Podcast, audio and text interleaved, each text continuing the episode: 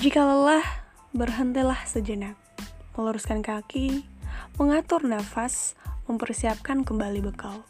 Atau menengok sebentar ke belakang tentang apa-apa yang sudah terlewati, apa-apa yang sudah ikhlas ditinggalkan, dan apa-apa yang mesti harus diperbaiki. Jalan masih panjang, istirahat sebentar tak mengapa, asal jangan terlena. Sebab tujuanmu ada di depan. Kamu harus terus bergerak maju, bukan terpaku melihat masa lalu.